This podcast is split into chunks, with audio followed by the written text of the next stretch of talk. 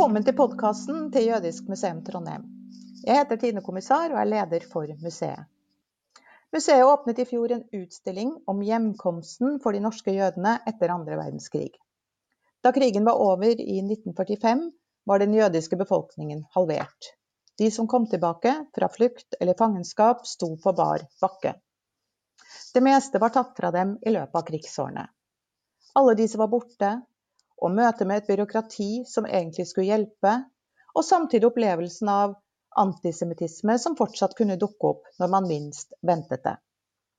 Hvis du ikke kan besøke museet fysisk, kan du se mye av utstillingen på jodiskmuseum.org i vår digitale utgave.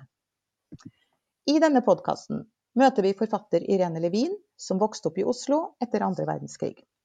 Da moren hennes døde, fant Irene Levin notater som kastet lys over livet hennes.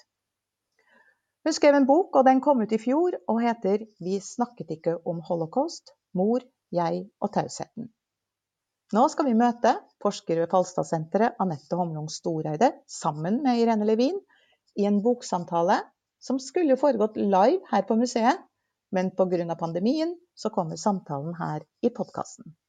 Vær så god, Anette. Takk. Jeg syns det er et privilegium å få ha denne samtalen med Irene. Eh, skulle jo helst hatt den på Jødisk museum, men nå blir det som, som podkast. Eh, Dette er en bok som jeg sjøl har vært eh, og er veldig berørt av. Og jeg syns det er spennende å få høre mer om, om hvordan den ble til, og hvorfor den ble til. Du har jo som professor i sosialt arbeid skrevet veldig mange andre bøker og veldig mange ak akademiske bøker. Men denne boka her er jo, som, som Tine sa, uh, så har den kanskje en litt mer spesiell bakgrunn, uh, fordi det også er din, din families uh, historie. Og Tine nevnte jo at du hadde funnet noen lapper og notater etter mora di. Så før, før vi snakker mer om boka, så kanskje du kan si, noe om hvordan, hvordan denne boka oppstod? Altså, det er litt vanskelig å tidfeste det, eller stedfeste det. Men det som skjedde, var at da min mor skulle flytte inn på jødisk bo- og seniorsenter i Oslo, så, så, skulle jeg og mine to barn rydde opp etter henne. Dvs. Si vi skulle bestemme hva som skulle med, hva som ikke skulle med. Og da fant jeg plutselig noen lapper som, uh, hvor det var skrevet litt på, men jeg merket meg ikke så veldig hva som sto på dem. Og så la jeg de bare til side. Og så var hele den prosessen med å få henne helt inn på det aldershjemmet. Og så noen år etterpå så døde hun, og da skulle vi rydde opp i hennes gamle leilighet på nytt. Og da så, eh, fant jeg igjen disse lappene, som, sam, som jeg hadde samlet. Eh, og så, etter enda noen år, så begynte jeg å lese dem. Og da så jeg at det, det, var ikke bare sånne løse skriblerier fra en gammel dame, men det var faktisk historier om situasjoner som var veldig viktige for henne. Noe var skrevet helt fullt ut med en begynnelse og en slutt, men mange ting var bare mer stikkordsmessig. Og, og, og da begynte jeg å tenke på hennes liv og hennes historie på en ny måte.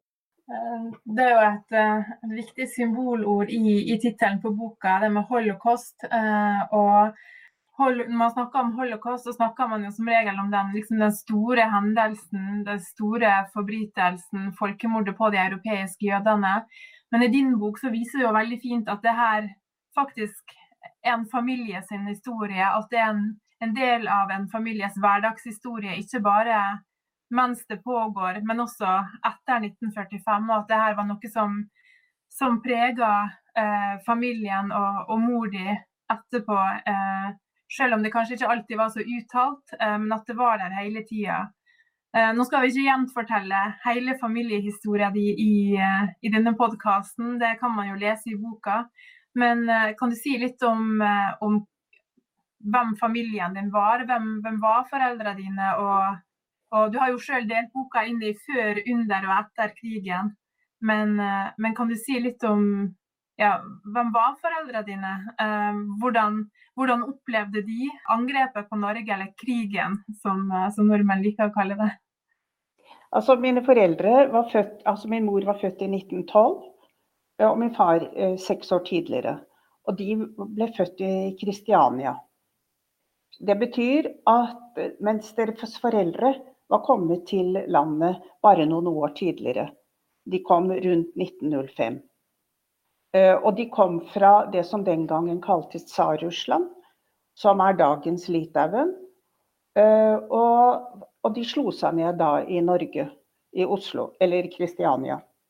Så mine foreldre ble, ble født i Norge. Og, og, det gjorde også at da de fylte 22 år, så ble de automatisk norske statsborgere. Men det skjedde jo ikke med mine besteforeldre. Slik at de måtte søke norsk statsborgerskap. Eh, altså det at de kom i akkurat den perioden rundt århundreskiftet, det var ganske vanlig for den jødiske immigrasjonen på den tiden. Og de kom alle sammen fra omtrent det samme området i, i de baltiske stater, kan du si. Og de aller fleste kom fra dagens Litauen. Var det slik, i og med at du sa de kom fra omtrent samme område, var det, var det de fleste som kom til Kristiania? Var det slik at det danna seg et, et, et, et, jødisk samfunn der, eller hvordan ble de tatt imot av det norske samfunnet når de kom som, som flyktninger? Eh, mange av de slo seg ned i Trondheim. Mm. Også i Kristiania. Og så ble det dannet da menighet begge steder etter hvert. Og de hadde jo mer enn nok med å prøve å skaffe seg et utkomme, et arbeide. Eh, og de begynte å arbeide, mange mennene begynte å arbeide som det som kalles omførselshandlere. Hvor de reiste på bygda og solgte varene sine. På den måten så slapp de utgifter til etablering av butikk eller etablering av et salgssted. Og de fikk en veldig god kontakt ofte med de menneskene som de besøkte.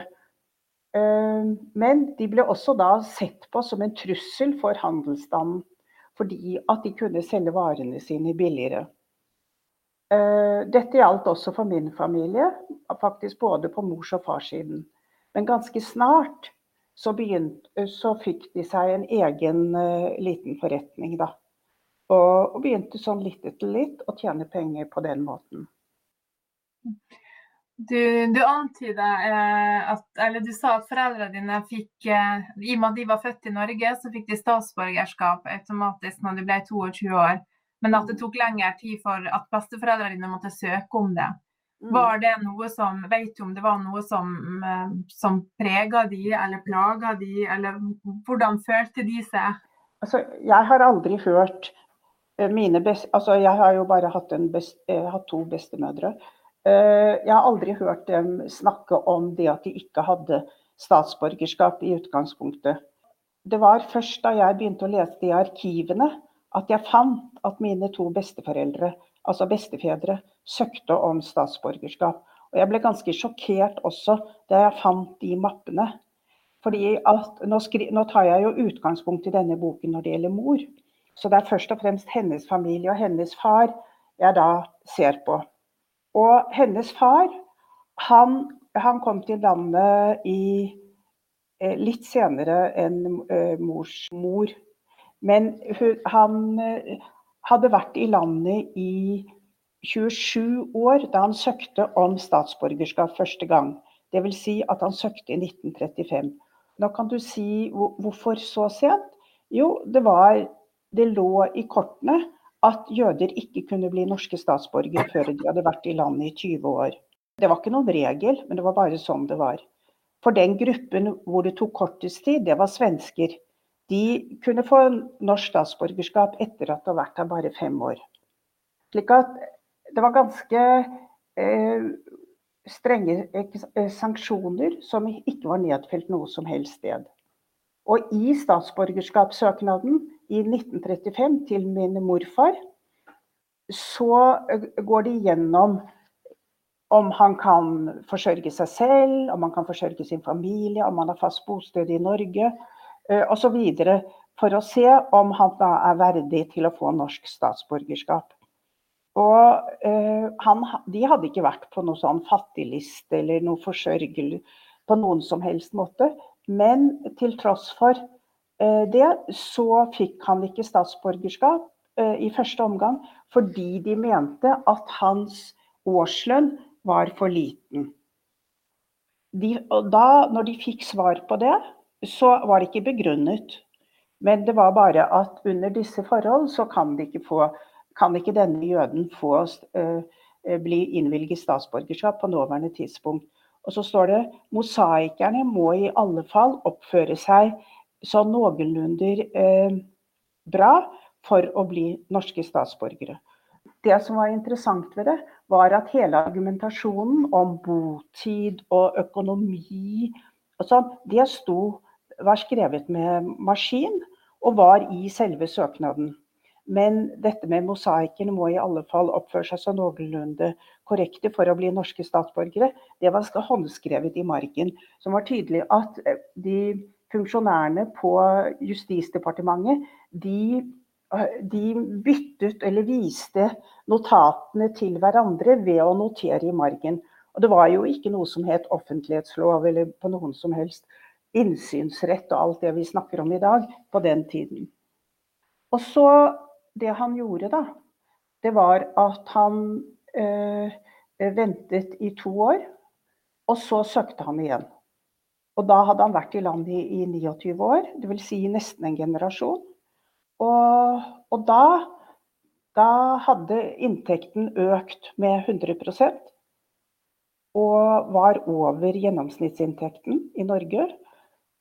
Og så argumenterer de på samme måte, øh, og så sier de men, men øh, nå er jo inntekten øket. Men så er det en annen som sier nei da, den er ikke øket. Altså Det virket som de ikke hadde lest søknaden i det hele tatt. I hvert fall, da får han øh, da får han statsborgerskap, og det er i, 19, i februar 1938.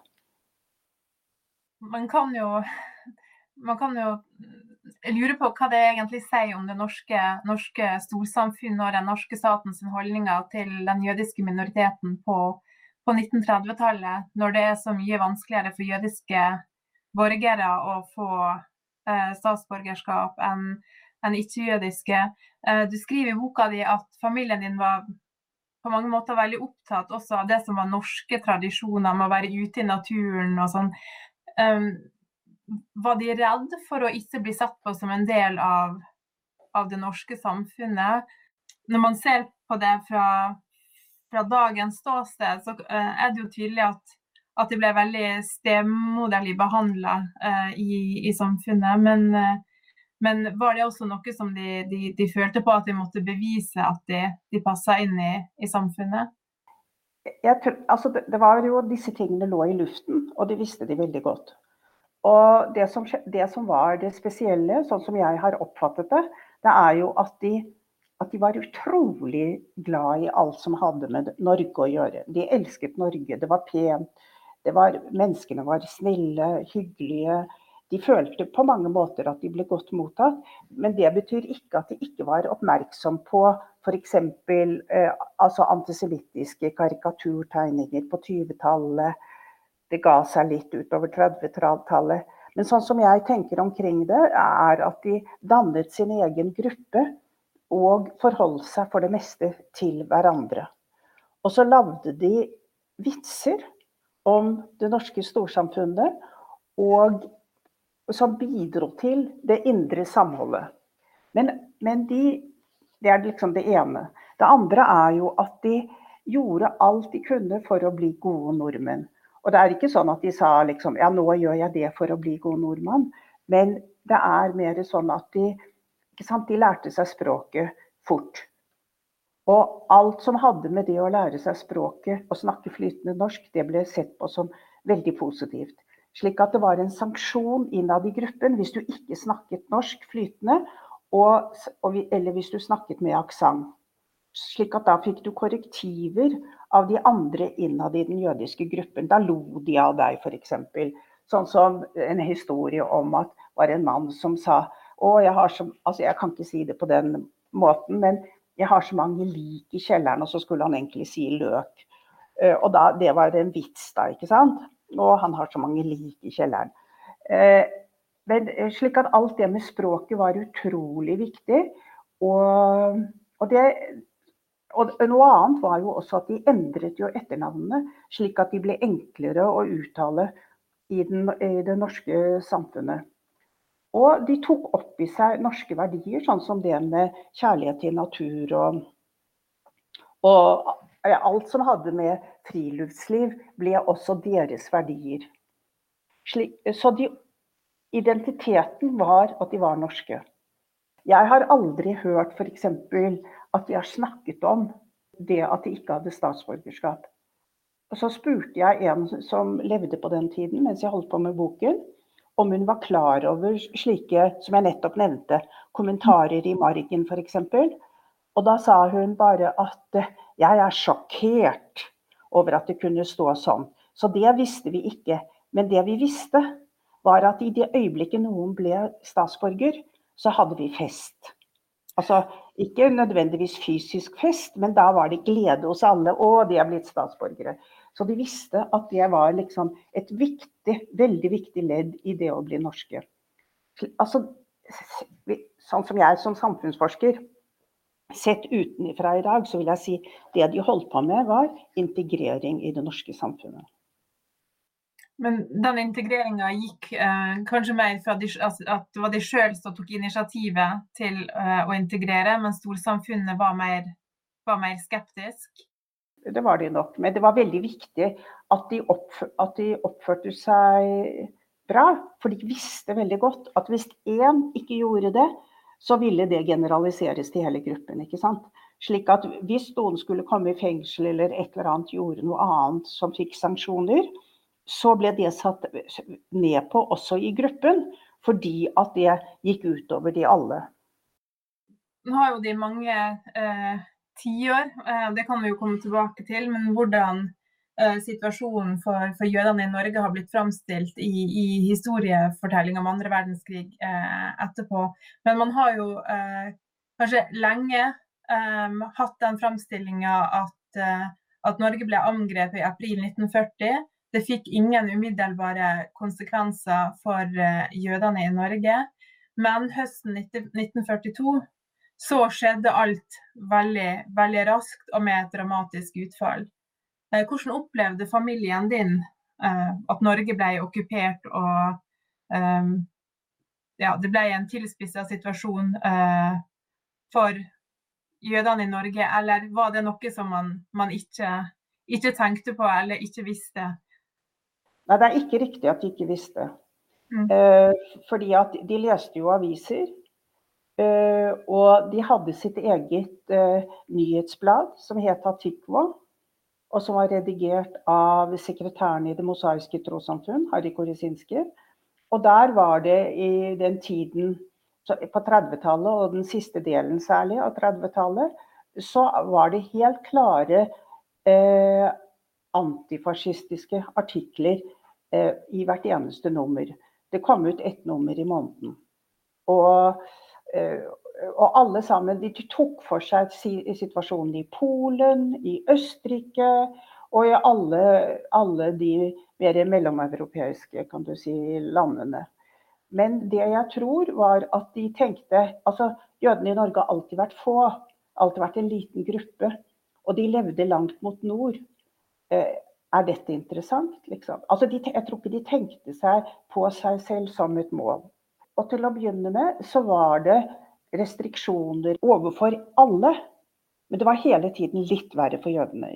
Jødenes radioapparater ble, ble fratatt dem før, et, et år før de andre, altså andre nordmenns radioapparater. Eh, men både jøder og andre ble satt inn på Grini f.eks. Så var de der noen måneder, og så ble sluppet fri igjen. Og så tenkte de OK, er det det som skal skje? At vi må i fengsel i tre måneder og gå ut igjen? Det kan vi da klare. Det som skjer i slike situasjoner, tror jeg, eh, det er jo at du tilpasser deg litt etter litt. Ja, og de prøvde, som alle andre, å, å, å finne ut av situasjonen etter best de kunne. Men de hadde jo ingen anelse om hva som skulle komme til å skje.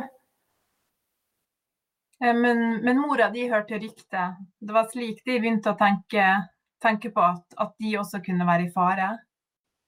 Ja, ja. Det har sikkert kommet sånn litt etter litt. Men den 23. oktober 1942 så skriver mor i notatene at det begynte å komme rykter. Og, da, og at de ryktene, da het det ryktene at, at, mennene, de jødiske mennene skulle sendes til arbeidsleir. Det var det det het. Uh, og da uh, dro far i dekning på Hadeland, og hun ble igjen hjemme. Da var hun gravid med meg i sjette måned. Og han var jo ikke den eneste. og dette, altså, det, uh, altså Tre dager etter så kom da arrestasjonen av alle jødiske menn over 15 år. 26.10.1942. Mm. Mm. Og på det tidspunktet så var jo eh, jødene i Trøndelag var jo mennene eh, satt jo på Falstad. Og, mm. og kvinner og barn var, var, internert. Det er jo ofte sånn når man snakker om høsten 1942, i hvert fall mitt inntrykk, så, så presenterer man det sånn at ja, en del kunne flykte til Sverige. Eh, og så har man den eh, store deportasjonen med, med Donau eh, 26.11. Men det var jo ikke bare bare å, å klare å flykte over eh, grensa. Og det var avhengig av hvor man bodde, hvilke muligheter man hadde, og hva man faktisk visste om hvor farlig situasjonen var. Eh, men mora di viste seg å være sånn som du skildrer henne i boka, så er du veldig opptatt av å vise henne som en handlende aktør. Uh, at hun, mm. hun prøvde å og, og, det må jo ha vært en fortvila situasjon for å få familien over, over grensa. Altså det som er veldig viktig var at Helt til å begynne med så var det bare snakk om at det var mennene. Det vil altså mm. si at Inntil det tidspunktet så var det ingen jødisk kvinne som var arrestert. De i Trondheim var satt i to leiligheter og internert. Men, men, informasjonsflyten var jo ikke sånn som nå. Mm. At du får vite hva som skjer i den ene delen av verden i samme øyeblikk nesten som det skjer. Så, og de visste det, men mor sa alltid 'de i Trondheim, ja, men Oslo nei'. Og i det uttrykket 'de i Trondheim, ja, men Oslo nei', så lå det at de visste om Flesch i Trondheim, eh, Gestapo-leder. Eh, og, og de visste at han var eksepsjonelt ille. Slik at de liksom identifiserte det til ham. Det har vært veldig interessant for meg å se på moren min. da, eh, Og hennes, hva hun gjorde i, når hun var i den ytterste fare. Fordi at hennes høyeste ønske det var jo å redde faren min og eh, familien. Eh, og det eh, greide hun når det gjaldt faren min, og det greide hun også når det gjaldt hennes bror. Men eh, det som også skjedde, var at hennes far ble arrestert. Også mange andre i hennes familie, 32, eller i deres begges familie, var det 32 personer som ble arrestert og drept. Eh, men når det gjaldt faren hennes, så kom han på ett vis i en annen kategori. Fordi at hun hadde en selvbebreidelse gjennom hele livet. Og eh, at hun ikke hadde greid å redde ham. Eh, og og det varte helt til hun døde. Hun døde da hun var 101 år i 2013.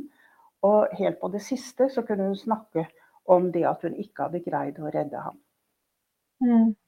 Og det ble særlig Altså, i disse notatene jeg fant, så var det flere lapper hvor det sto hvor hun fortalte om en drøm hun hadde hatt når de hadde kommet over til Sverige.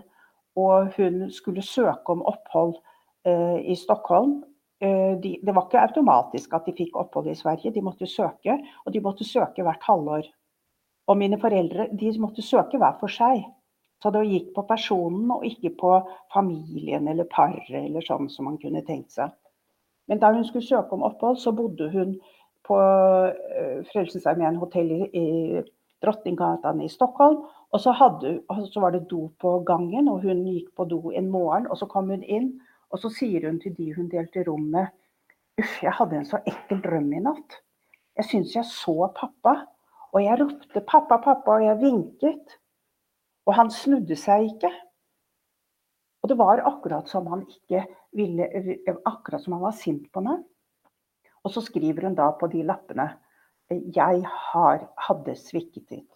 Og, og da, når hun hadde fortalt det uh, til de romkameratene sine, så uh, ser de på hverandre, og så sier en av dem da må vi fortelle deg at din far ble deportert fra Norge i natt.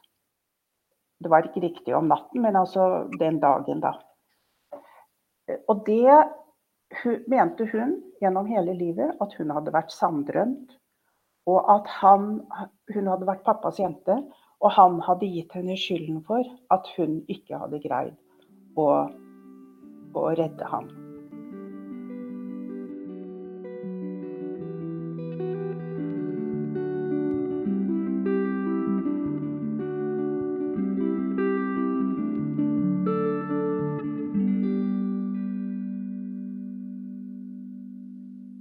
jeg fortalte jo Tine innledningsvis at, at, museet har en utstilling om det med hjemkomst. Eh, hvordan ble hjemkomsten for, for mor di og, og, resten av familien? Altså, vi kjenner jo alle til disse her eh, glade frigjøringsfoto fra Oslo og norske eh, flagg og, og, folk som jubler, og hjemmefronten som som i parade. Men, men, hvordan var det å komme tilbake fra flere år i, i, som flyktning i Sverige? Og de visste vel kanskje ikke når de kom tilbake hva som var skjedd med de som var blitt, eh, blitt deportert, men, men, hvordan var det for de? Føltes det som en hjemkomst å komme til Norge, eller hvordan, hvordan, skal man bygge opp igjen livet? Hvordan klarte de å ta, en måte, finne en hverdag i den situasjonen som var? Ja, altså det, det, er jo spørsmål som jeg stiller meg i boken.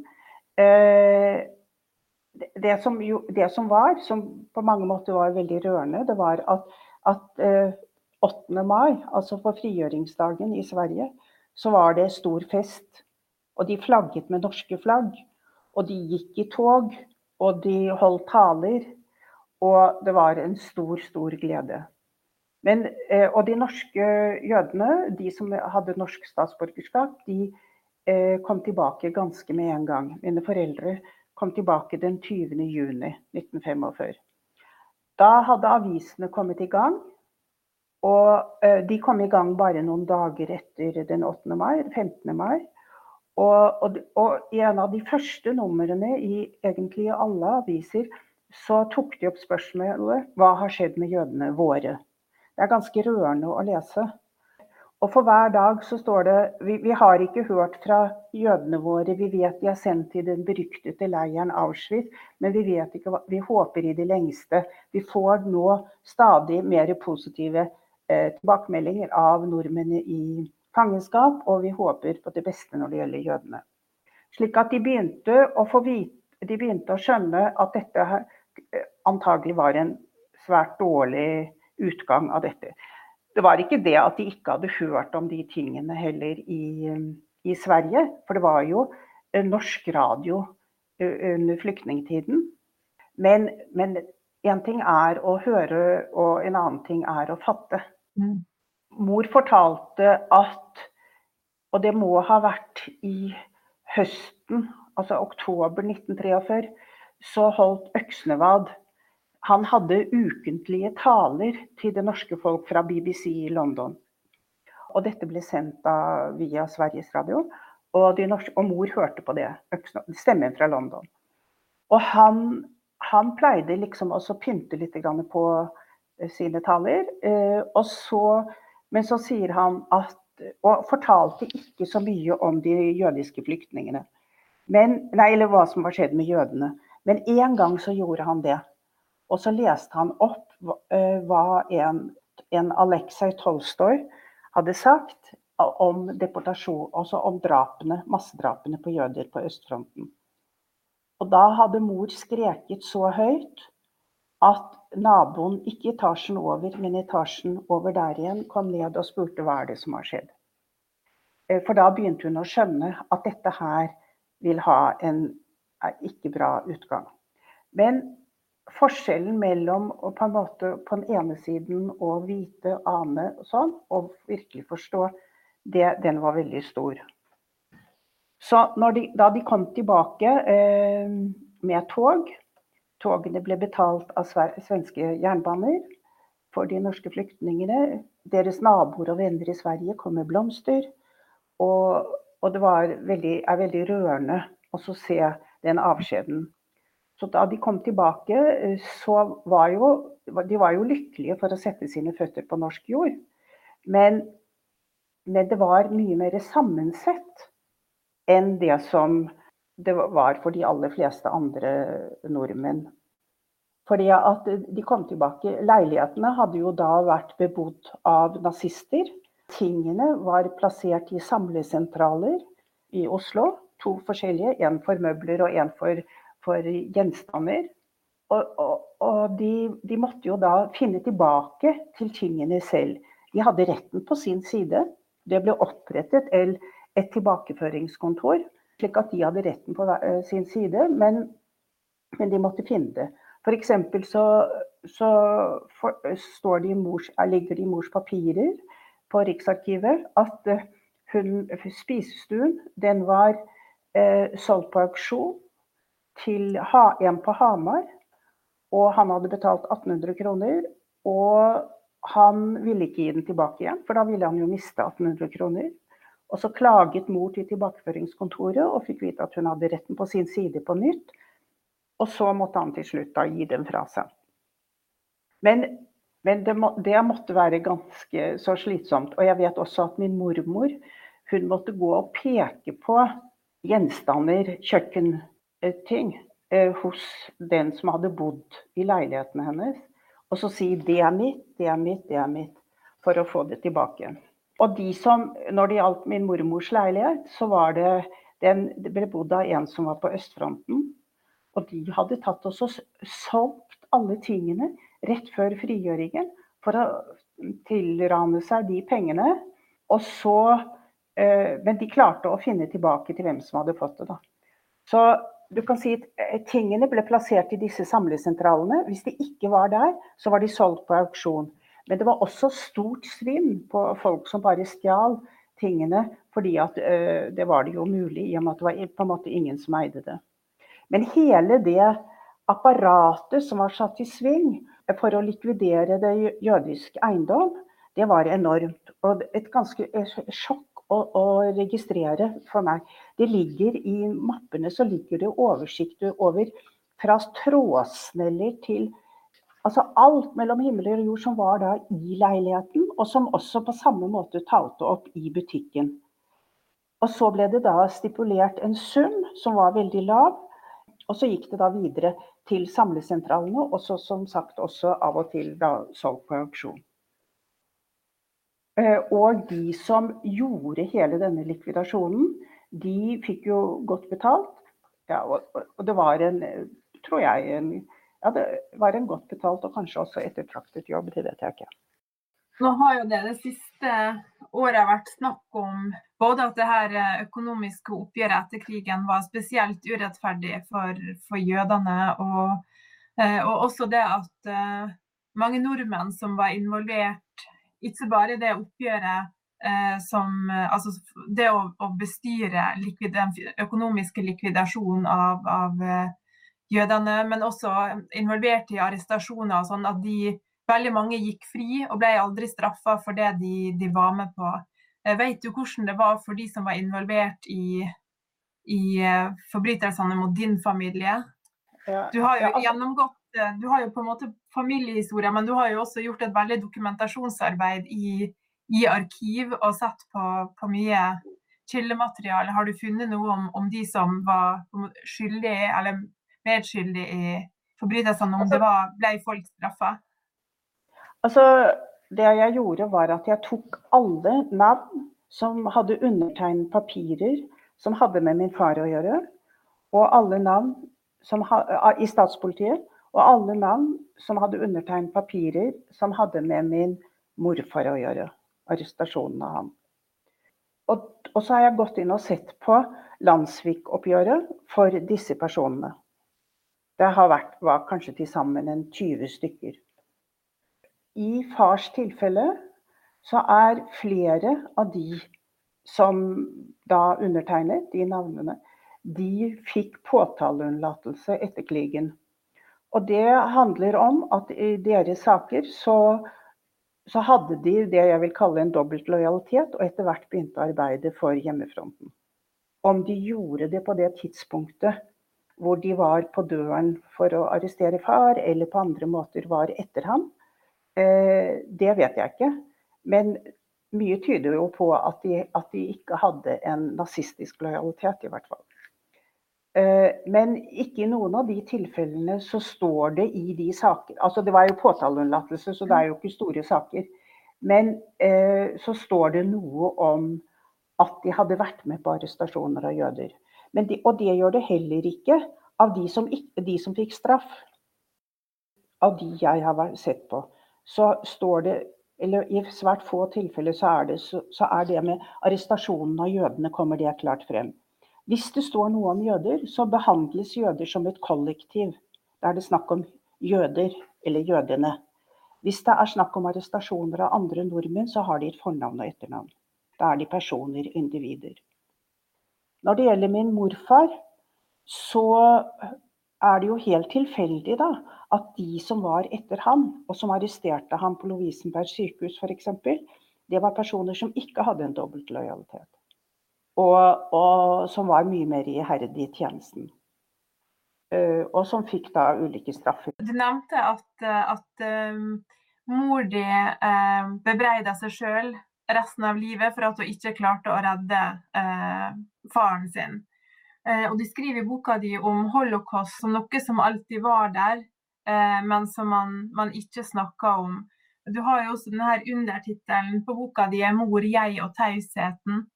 Og du har også skrevet hvert fall minst én artikkel der du snakker om taushetens tale.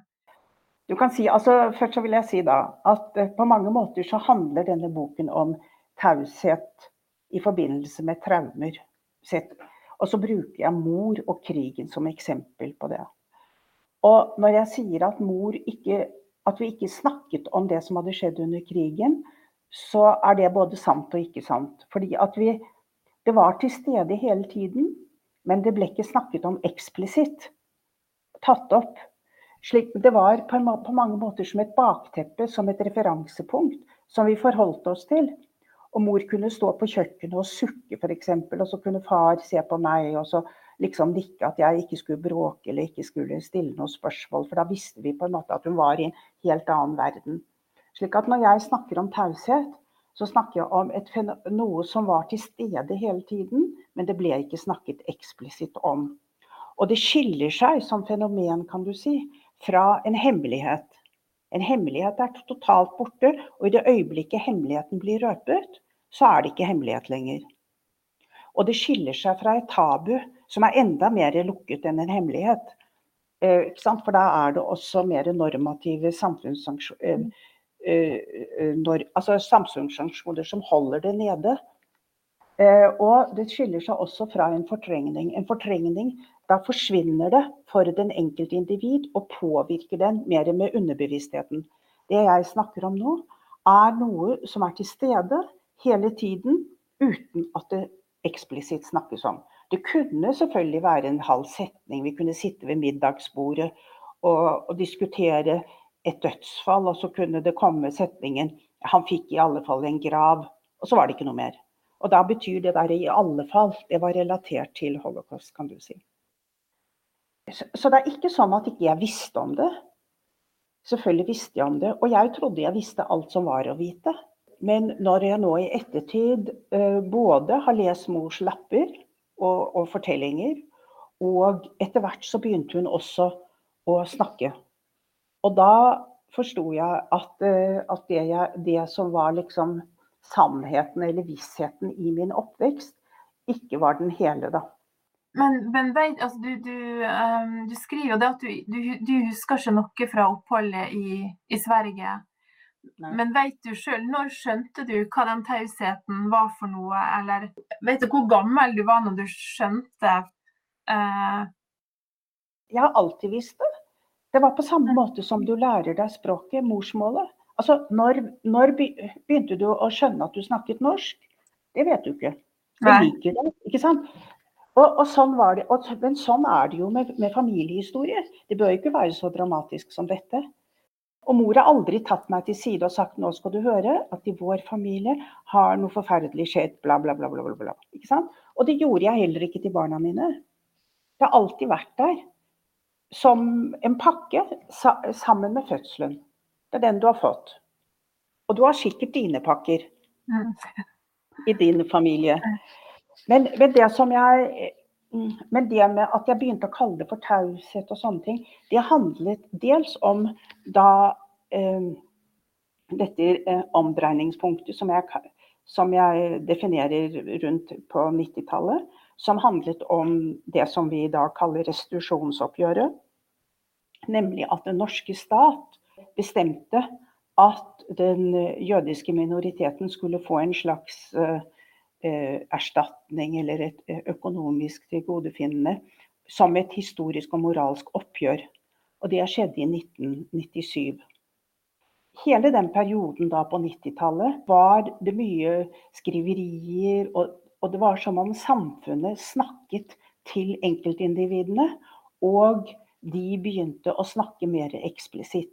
Og min mor ba meg om å hjelpe, hjelp til å få hedret de som hadde hjulpet dem, eh, reddet dem under krigen. Mm.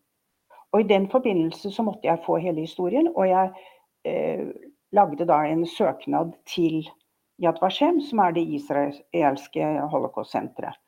Og, og, fra da av snakket mor og jeg mye om dette. Og, og, og hele den hedringen den ble også omtalt i avisene, det har jeg også vist i boka. Eh, og, og, da, den, og da, ble jo mor intervjuet, og jeg var med på det, osv. osv. Slik at jeg, jeg, vet ikke når det Jeg, har alltid visst det. Mm. Men hvordan var det å vokse opp som, som andregenerasjon eh, i den situasjonen? Eller er det på en måte en sånn forestilling som akademikere som er projiserer ja. over på barna av overlevende, at det, det, har vært noe spesielt. Uh, selvfølgelig så er det sånn som du sa, at man har jo hver sin, hver sin pakke. Men uh, det er jo uh, sånn som Marianne Hirsch, f.eks. amerikansk holocaustforsker, er veldig opptatt av det at traume kan gå i arv. Men det har jo det, på mange måter. Jeg fortsetter jo mors historie. Mor ønsket jo også å fortelle denne historien. Nå forteller jeg den til offentligheten i en fasong, i en sakprosafasong, eh, og på min måte. Og, det, og det med taushet er også Det er jo mitt akademiske eh, begrep på det jeg mener foregikk gjennom mellom, altså innen husets fire vegger da jeg vokste opp. Og det kom jeg faktisk på etter at jeg hadde hørt en venninne av meg fortelle om at hun ikke hadde visst at moren var involvert i en av familiemedlemmenes uh, arrestasjon. Selvfølgelig ufrivillig, men at det da satt i moren på en slik uh, altomfattende måte gjennom også hele hennes liv. Og så, så begynte jeg også å lese som voksen akademiker, for å svare på ditt forrige mm. spørsmål. Uh, begynte jeg å lese historiene og se at det var et, et, et mellomrom i dem. Det var, et, eh, det var, noe som ikke stemte. Og det har jeg kalt tausheten. Mm. Eh, du sa jo eh, du sa at mor di ønska egentlig at historien skulle bli fortalt. Mm. Men så har du sjøl skrevet at du ikke kunne fortelle denne historien eller skrive denne boka mens, mens hun fremdeles levde. Er det sånn at du føler at du kan skrive friere fordi hun ikke kan, kan korrigere eller kommentere eh, det du skriver? Eller er det liksom først etterpå at du har eh, ja, følt at du er rede til å, å, skrive historie? Da jeg skulle begynne på dette prosjektet, så bestemte jeg meg for å prøve å være så fri som det var mulig. Man kan jo aldri være helt fri. Mor var død, jeg kunne ikke sjekke ut tingene med henne. Og jeg ville heller ikke det eh, egentlig ha gjort det. Men det, eh, det, hadde jeg sikkert gjort hvis hun hadde vært i, i live. Men, men, jeg ønsket å være så ærlig som mulig. Og det, var, det betydde at hvis jeg liksom oppfattet henne eller på såkalt det man kaller for negative eller ikke så positive måter, så skulle jeg prøve å forstå det og formidle det, ut, og ikke fjerne det fra historien. Og jeg kom jo i slike dilemmaer. Fordi at uh, på et tidspunkt uh, før far var i dekning og mor var i Oslo, så fikk, visste hun ikke hva hun skulle gjøre. Og dette jeg nå forteller, det fikk jeg vite gjennom Riksarkivet. Og at jeg da fant at hun fikk legen, sin gynekolog, til å skrive et brev til statspolitiet og fortelle eh, Og så fortalte hun i, i det brevet at hvor far var i dekning, adressen, og, eh, og så ba hun dem om at de ikke måtte arrestere far. Det var utrolig naivt gjort og utrolig dumt gjort, og jeg fikk omtrent sjokk. Og jeg er selvfølgelig lei meg for at jeg ikke kunne spørre henne i alle dager, hva tenkte du på? Men det fikk jeg ikke. Men jeg bestemte meg for å inkludere det i boken, da. Historiefortellinga om Norge under krigen har blitt nyansert. At ikke alt handler om okkupasjon og, og motstand. Men, eh, men, samtidig så er jo det også en, eh, en, en eh, påstand til diskusjon. For det er jo fremdeles stor uenighet om hvordan man skal, skal tolke holocaust i Norge, og hvem som var, var skyldig hva, og hvem som, som, kunne gjort hva. Når du ser på historiefortellinga om krigen eh, i Norge, um, hva syns du, eller hvordan vil du bedømme måten man har framstilt eh, de norske jødene sin, sin krigshistorie på? din bok altså, skriver seg jo inn i måte det, det store narrativet. Mm. La meg først si, det har vi ikke omtalt, eh, men selv om arrestasjonen av de norske jødene fra 26.10.42 ble utført av statspolitiet, så kom ordren fra det tyske eh, sikkerhetspolitiet. Slik at det ligger der som en base. Eh, jeg, har, jeg, jeg, tenker på den tiden vi er i nå, som et ledd i en utvikling. Hvis du, rett etter krigen så kom det historie, store, store verk. Det første som kom, det het 'Norges krig'. Det kom i årene mellom 47 og 1950. Og det siste bindet i 1950, det omhandler arrestasjonen av jødene. Dvs. Si det er ganske minimalt. Eh, men i et kapittel på 56 sider, så er det liksom en halv side med skrift om arrestasjonen av jødene, og det står at det var forferdelig og sånn og sånn. Men i det store hele så er det en detalj. Og når jeg sier detalj, så er det et sitat. Ikke, ikke sant? I det, alt det forferdelige som skjedde under krigen. Og da var det jo liksom ikke noe oppstand fra historikermiljøet som sa hæ, det, det, det var sånn man definerte det. Og så går du videre fremover, og midt på 80-tallet så kommer da åttebindsverket 'Norge i krig'. Og i, både i bind tre og bind fire så omhandler det deportasjonen av norske jøder. Og f.eks. i bind tre så er liksom den halve siden som da var rett etter krigen, den er nå blitt til 18 sider. Og liksom alle leddene i i arrestasjonen og deportasjonen er med. Og så, så, Til slutt så kommer det et, kapittel, et lite avsnitt hvor det står 'kunne vi ha gjort mer'? Og Da stiller de spørsmålet kunne vi ha gjort mer for å varsle og for å redde de norske jødene. Uh, og så ganske fort etter i samme avsnitt hvor man stiller det spørsmålet, så heter det at det er ikke til å stikke under en stol eller noe lignende at de norske jødene lot seg arrestere. Og slik at det er på mange måter uh, at man da setter sånn akkurat som det er jødenes feil at de ble arrestert. Det som vi gjør nå, i den debatten som foregår nå, det er at vi, sånn som jeg ser det, er at vi stiller spørsmål om ikke om det var jødenes feil, men om norsk medvirkning. Altså var egentlig det samme spørsmålet som ble stilt da eh, midt på 80-tallet, men man prøver å svare på det på en annen måte. Og det er veldig smertefullt. Det er smertefullt for alle. Det er smertefullt for jødene, og det er smertefullt for, alle, for nordmenn og for Norge. For det handler om våre naboer, våre venner, og også se på dette med nye øyne. Og det er, sånn, det er det jeg tenker at vi driver på med nå, og det er nødvendig, men det er veldig vondt. du diskuterer jo også det her med ansvar, eh, og at det er forskjell. Altså, du var jo inne på det med det å gi eh, jødene sjøl ansvaret for at de ble arrestert eh, fordi de ja, får ansvaret for å fange opp signal om at de kan bli arrestert, istedenfor å skyve ansvaret over på de som faktisk iverksatte politikken og, og arresterte. Altså Ansvar og skyld henger jo sammen, ikke sant. Mm. Har du ansvar for noe, så vil du også få skyld for det. Det er det kanskje storsamfunnet i, i, Norge lenge har forsøkt å unngått, i og med at man har lagt skylda på den tyske okkupasjonsmakten, som naturligvis ga, ga ordren til, til arrestasjonene, og som, som, over flere år før eh, Norge ble okkupert, hadde drevet en, en uh, særdeles antisemittisk politikk i sitt, sitt eget land. Uh, de første Jødene i Tyskland ble allerede arrestert våren eh, 1933.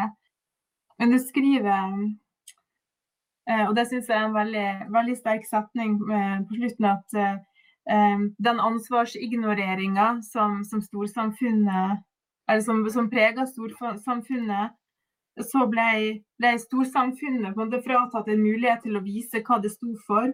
Og mors selvbebreidelse ble, ble gitt gode kår.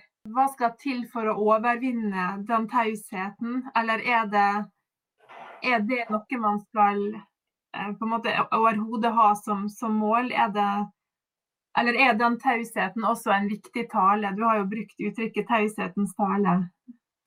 Altså, min mor så på det som hadde skjedd, som om det var hennes private ansvar.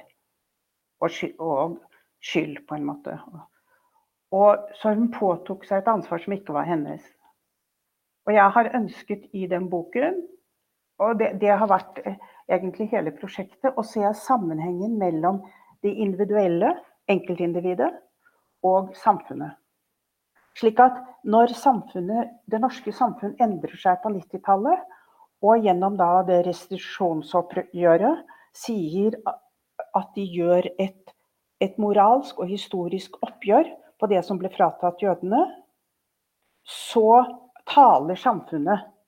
Og da gis det et rom for individene til å agere på en annen måte. Og slik at mors måte å forholde seg til dette på, eh, er ikke hennes private. Det handler ikke om noen egenskaper ved henne eller ved jødene eller ved noe som helst. Det handler om det rommet som samfunnet har gitt til minoriteten.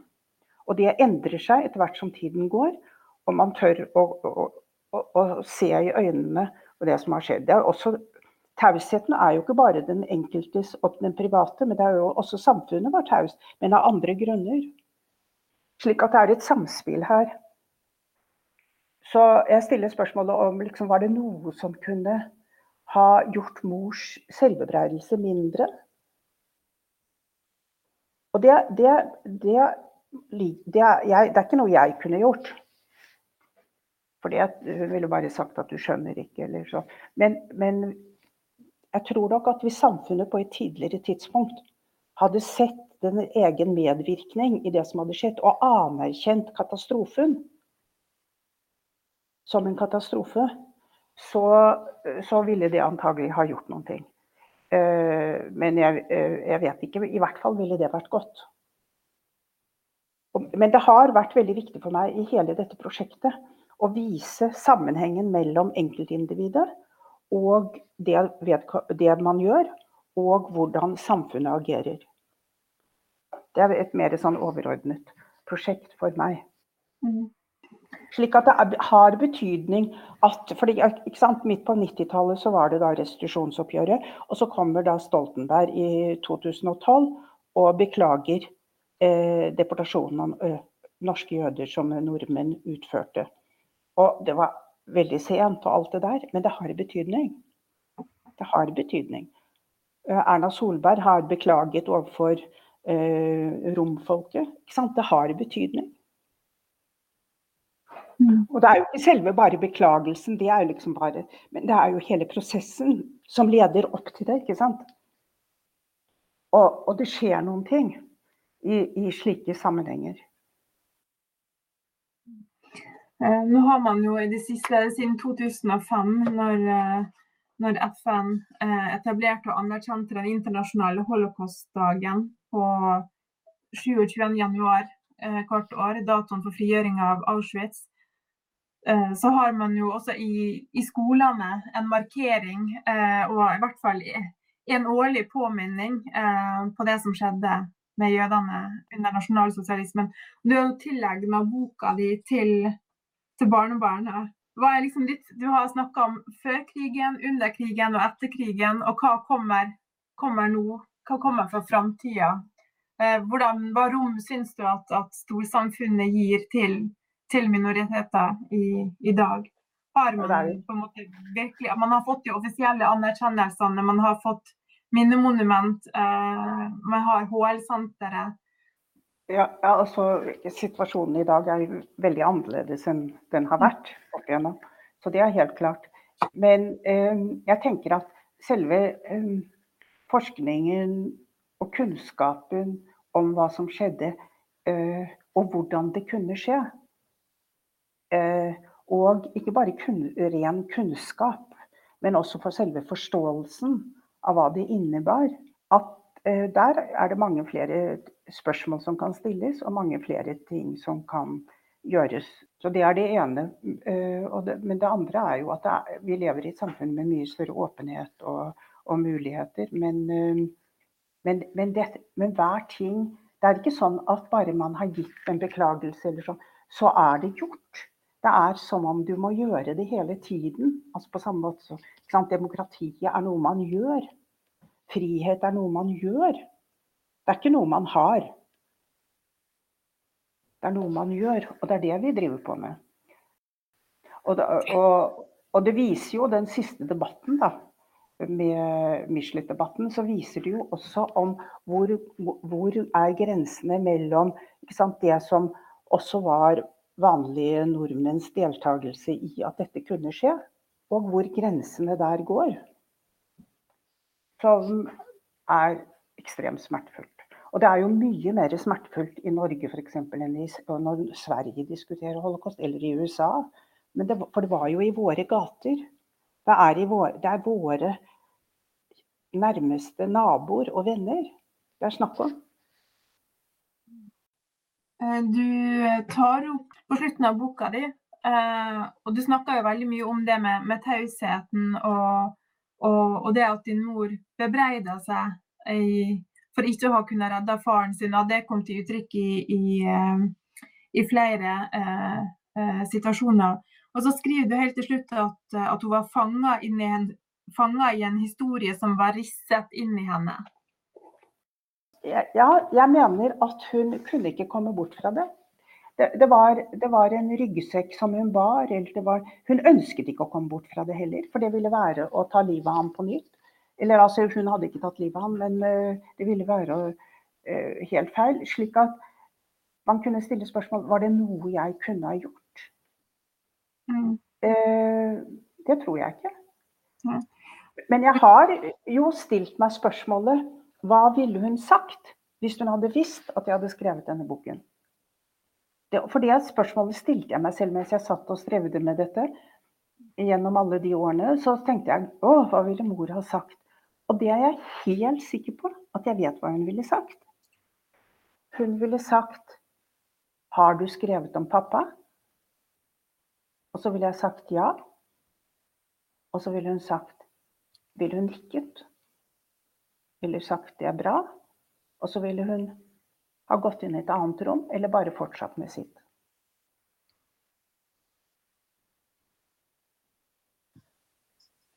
Det var Irene Levin som fortalte om boken sin 'Vi snakket ikke om holocaust', 'Mor, jeg og tausheten', i samtale med forsker Anette Homlung Storeide. Takk til begge to for denne samtalen.